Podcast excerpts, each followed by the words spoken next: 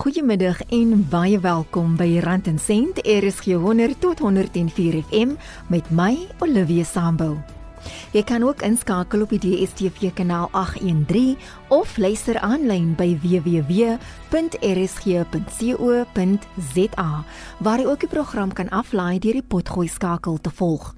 Stuur gerus 'n WhatsApp teks of stemboodskap na 076 536 6961 of jy kan ook 'n e-pos stuur na randensent.rsg@gmail.com en volg ons ook op Twitter, Facebook en YouTube. Rikus Nel, geakkrediteerde finansiële adviseur, glo hoewel Suid-Afrika nou in 'n baie moeilike politieke en ekonomiese tydperk is, is ons stadig maar seker besig om die land te herbou. Dit wat ons nou van hoor is nie iets wat laas week of laas jaar gebeur het nie. Dis 'n proses van 'n 10 jaar fase waardeur Suid-Afrika gaan en ek dink wat hoekom dit pynlik is is eh, wat ons in proses is op die oomblik is ons hou tot 'n groot mate 'n speel op en vir onsself en en Suid-Afrikaners uh, kyk vir hulle self in die speel en ons kan nie glo wat se etiese kom ons sê dwaling ons letterlik deurgegaan het oor die laaste 10 jaar nie. En dis nie net die publieke sektor, dis in die privaat sektor ook en en baie van van dit is ook aan die privaat sektor van die buiteland. So ek dink daar's ook 'n bietjie van 'n refleksie wat jy weet wat nodig is. Maar wat vir my besonder positief is en ek bedoel ons het dit nie eers op die verandering want dit is nie 'n verandering dis amper 'n konstante wat vir my besonder positief is is dat hierdie goeders uitkom in Suid-Afrika. Met ander woorde jou media moet ongelooflike krediet kry vir vir die mm. werk wat hulle doen. In ander lande ehm um, is die goeders miskien bietjie minder prominent maar jy, jy moet nie vir 'n oomblik glo dis afwesig nie punt 1 en tweedens uh, die media word nie noodwendig toegelaat om dit te openbaar nie.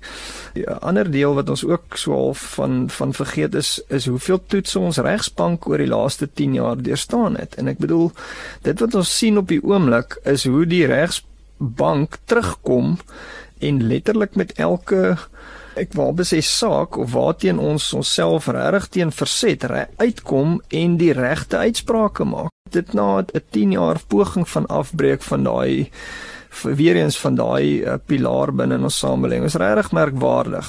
Hoekom is 'n goeie verhouding of 'n goeie vennootskap tussen die privaat sektor en die regering so belangrik? Goed, so dit is 'n vennootskap. Dit is die belangrike antwoord. Uh die een kan nie sonder die ander een funksioneer nie, want as jy mooi daaroor dink, as besigheid ook nie funksioneer nie, is daar geen geld vir die staatskas nie. So dit is 'n absolute vennootskap, die twee ondersteun mekaar. Ek dink wat jy moet beklemtoon is die verantwoordbaarheid wat besighede het teenoor hulle eienaars en en as jy praat van eienaars kan dit individue wees en dit kan klein sake wees maar in baie gevalle is dit dan nou ook jou genoteerde maatskappye wat verantwoordbaar staan teenoor aandeelhouers. Met ander woorde die besluitnemers is tot 'n groot mate jou rentmeesters van daai kapitaal en hulle is in lyn om daai kapitaal op die beste wyse moontlik aan te wend. Nou, as die risiko en die onsekerheid van so 'n aard is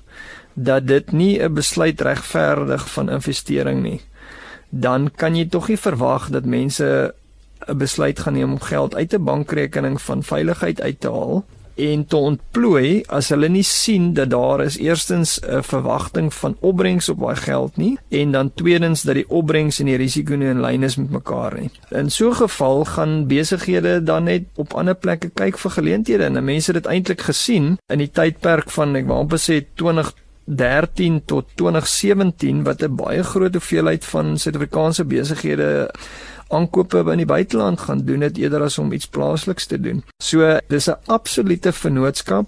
Daar moet 'n baie hoë mate van vertroue wees tussen die twee en samewerking. Ek wil net so sê dat regering het baie belange want hulle moet ook kyk na ek wil amper sê die sosiale deel van 'n gemeenskap wat natuurlik goed soos werkloosheid ensovoorts aan so hulle kan ook nie besigheid net vrye teels gee om te doen wat hulle wil doen nie. Maar in my kop is dit 'n baie nou vennootskap en die regering behoort met beleid die proses en die uitdagings van besighede makliker te maak Rikus is van mening dat Suid-Afrikaners hoë eise aan hulle leiers stel en verwag dat leiers van die land moet presteer voordat hulle die respek en ondersteuning van burgers sal kry. Olivia, ongelukkig eh, moet ek die antwoord maar gee. Dit gaan maar oor prestasie. So en ek dink, jy weet tot eh, mense moenie die ding onderskat nie.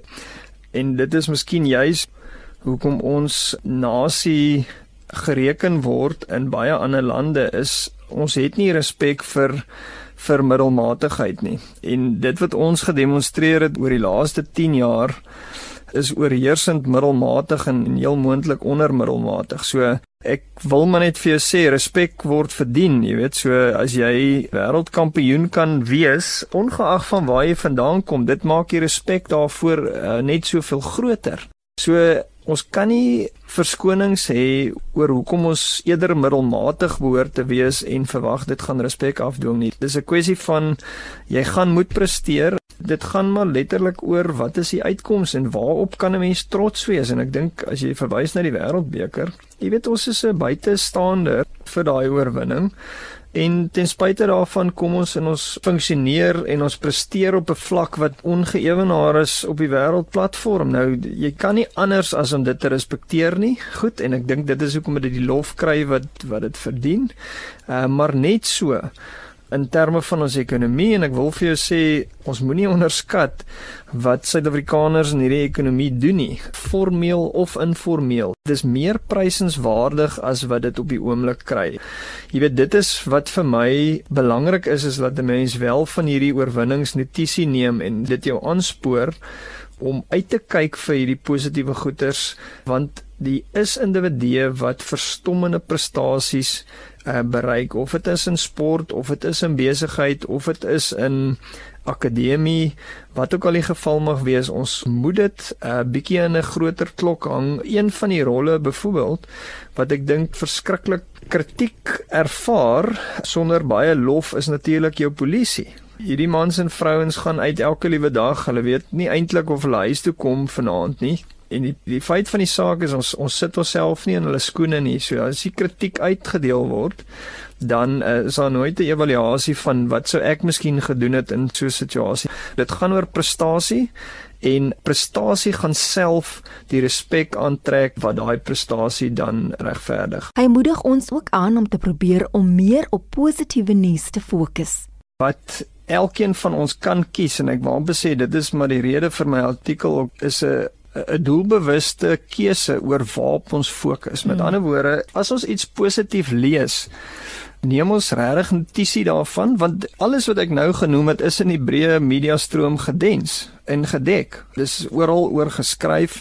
Dis miskien nie op bladsy 1 of bladsy 3 nie, maar neem ons regtig notisie van hierdie en dink ons oor wat die positiewe van hierdie veranderings of stel ons osself nog steeds oop vir al hierdie negatiewe sentiment in die media want daar is slegte goed wat gebeur en en ek bedoel die laaste 10 jaar ek ek dink ons is totaal al oorweldig van hoeveel slegte nuus jy weet is deur ons stelsels.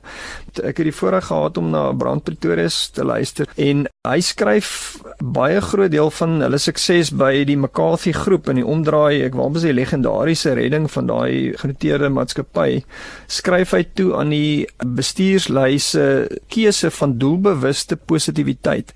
Ons kan as Suid-Afrikaners kies waarvoor ons op die uitkyk is en waarvoor ons soek en ek kan vir jou sê vandat ek na hom geluister het, dis net 'n kwessie van jy verander so klein bietjie jou denke en jou ingesteldheid.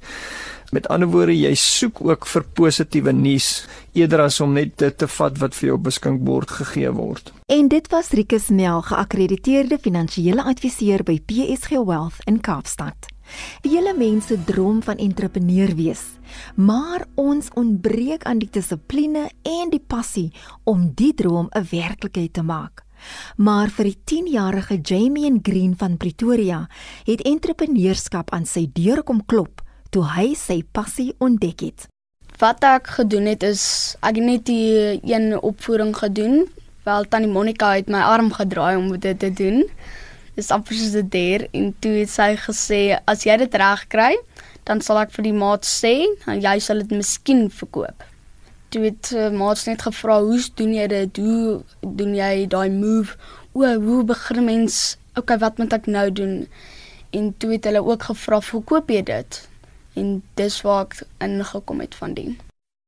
Wel, dis 'n Chinese yo-yo of giant yo-yo soos mense dit noem.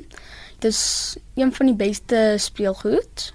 Nommer 1, die rede hoekom is, dis 'n baie spesifieke plastiek wat gemaak is by 'n factory en as hy kom ons sê nou ses stories in die lug gegooi word en dan val op die sement. Hy gaan nie breek nie. Val dis meeste waar ek die mense kan leer om toertjies te doen soos die golden finger. Ek gaan vir hulle dit in die laaste 2 maande omtrent gaan ek hulle die golden finger leer. Ek het net by Pick n Pay die Waverly Plaza was ek net daar met my mamma en my boetie my sussie en ons het na Pick n Pay toe gegaan om geskenkies vir my verjaarsdag te koop. Toe sien ons hier was 'n oom wat hierdie goeders verkoop. Toe het hy my geleer en nou jy beskiklik as ek amper soos 'n pro. Wel hy het my geleer om te begin soos kom ons sê net vat die twee stokkies. Dan as jy regterhand is, trek net regterhand op en af. Links bly stil. Soos regterhand gaan op en af, nê? Nee? Soos elke keer wanneer jy die exercises doen. Toe ek vir jou dophou vroeër toe gespeel het, toe dink ek, goeie genigtig, dit gaan vir my soos 100 jaar vat net om een van hierdie stappe te bemeester? Wel, nie eintlik nie. Daar's 'n serie wat saam met die jojo kom wat jy kan speel en dan kan jy leer. Jy kan oor en oor kyk totdat jy daai move reg kry. Is daar basiese moves by betrokke? Ja, daar is. Die eerste move wat ons vir die klein kinders geleer het was die grind. Maar daarna het ons vir die groter kinders die orbit begin leer en die jump castle, die double doggy jump en so voort. Hoekom yo-yoji? Wel, die eerste keer toe ek my dit genoem het was want dit was my van green en dit was 'n yo-yo. Maar toe daarna het ek uitgevind daar's 'n paar giants in die pad. So toe noem ek dit die yo-yo G vir yo-yo giant. Wat is vir jou verrassend om trend entrepreneur wees? Vir my is gaan dit nie oor geld nie. Dis soos eers die laaste ding wat ek oor worry. Die eerste ding is dat die kinders dit gaan geniet. Ek is um Tahila Green en Jamie is ons oudste uit 3 lyfies. Kosbare geskenke uit die vader se hand uit. Ja, ons tuiskool, so dit maak ook die geleenthede vir entrepreneurskap en en sy drome navolg maak dit meer moontlik. Maar ek dink as ons nog in die skool was sou dit nie 'n werklikheid geword het nie. Dan is 'n ou bietjie vasgenaal met ander aktiwiteite en skooltake ensovoorts waar ons nou ons tyd beter kan bestee. So dit is regtig vir my 'n riem onder die hart dat ons hierdie amper 'n hidden treasure heel per ongeluk kon ontdek. Toe jy die produkkie eerste keer sien, het jy gedink dis iets wat jy moeite werd is om in te belê of het jy dit gekoop om vir hom gelukkig te maak? Toe ons in die winkelsentrum by Waverly Plaza instap en PJ staan daar met sy stalletjie, sy tafel met sy jojo's, het dit dadelik my aandag getrek want dit is baie kleurvol. En um, ek het besef dat ek gaan nie maklik hier verbystap sonder dat een van my drie gaan nag en vra vir een nie. En nou toevallig was dit ook in 'n tyd wat ou boet verjaar en ons sê toe okay, kom ons doen 'n toetslopie en ons investe en ons kyk hoe gaan hierdie ding werk. Want normaalweg as 'n ou nou maar 'n geskenk koop wat 'n kind se aandag trek, hou dit dalk 'n maand, 3 maande en jy weet dan staan dit nou maar net weer op die rak. Ek moet sê hierdie was werklik 'n belegging in ons huisgesin gewees.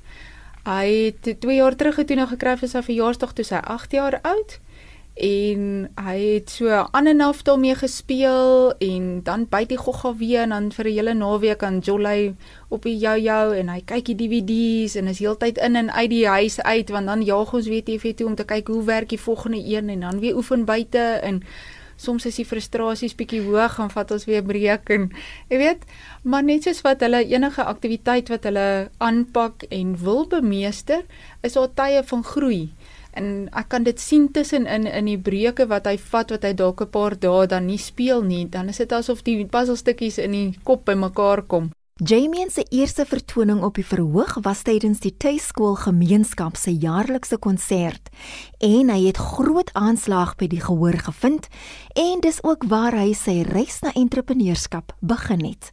En ek moet regtig sê ek is baie baie trots op my seun. Dis die Giants waarna hy verwys. Wat hy probeer om hierdie amper koreografie aan mekaar te sit van watter move moet vloei in die volgende een in en daar moet genoeg spoed wees sodat hy aan die spin bly anders val hy. En dan moet hy weer die balans van die jou-jou moet hy weer regkry op die tou. So daar's regtig nog 'n tegniek agter die saak. En toe ons nou daai nou agter mekaar het, toe sê hy, "Maar wat as hy 'n fout maak?" Toe sê ek vir hom, "Boeta, ek is daar reg by jou. Ek staan voor die verhoog. As daai ding vlieg en trek, dan vang ek hom en ons gaan aan. And we just keep going." En so het pappa hom ook ondersteun en hom moed ingepraat. En ek moet sê tot die oomblik wat sy naam geroep is, die huisvolgende om op die verhoog te verskyn, was hierdie man se broek aan die bewe. Maar daar het 'n switch gebeur in sy hele gemoed toe hy opstap op die verhoog en hy wag daar agter die gordyn. En daai gordyne gaan oop. Sy musiek moet begin, hy's nou reg. Ek was verstom, want die ouetjie wat 10 sekondes voor dit nog langs my op die stoel gesit het en die ouetjie wat daar op die verhoog is, is twee verskillende mense gewees. Hoe het dit gevoel? Wel, dit was nog 'n baie scary vir my my mamma want dit was my eerste keer op 'n verhoog in my hele lewe met die jojo. Weet jy wat as ek net eers kan sê net rondom die die optrede wat hy gedoen het. Die liedjie het so iets soos 3 versies kan jy nou maar amper sê. En teen die einde van die tweede versie toe het hy so 'n bietjie blank geslaan. He ran out of moves. En dat hy in daai splitsekonde oomblik net die musiek gevat het en toe hy begin dans terwyl hy jou jou. En dit het toe nou sy signature move geword. En dit het so uitgestaan dat talle talle ouers en kinders na die tyd met ons kom praat het en tot vandag toe is daar vele van ons homeschool mammas wat nog vir my sê daai was vir hulle die toppunt van die hele aand gewees. So daai uitbeelding en uitleef en energie wat hy van die musiek af gekry het wat hy net so geniet het in die beweging en in die aksie saam met sy jou-jou het toe net die ding laat ontplof en dis nou van daardie af wat die entrepreneurskap eintlik gebore is. So praat te Hille Green, ek het ook met haar seun Jamie Green gesels. En dan was ek ook in gesprek met Rikus Nel van PSG Wealth in Kaapstad. Ek is Olivia Sambo en ek groet tot volgende Sondagmiddag om 4uur. Sterkte aan die ouers wie se kinders die eerste keer skool toe gaan en aan die ouers wie se kinders die huis gaan verlaat om te gaan studeer. Totsiens.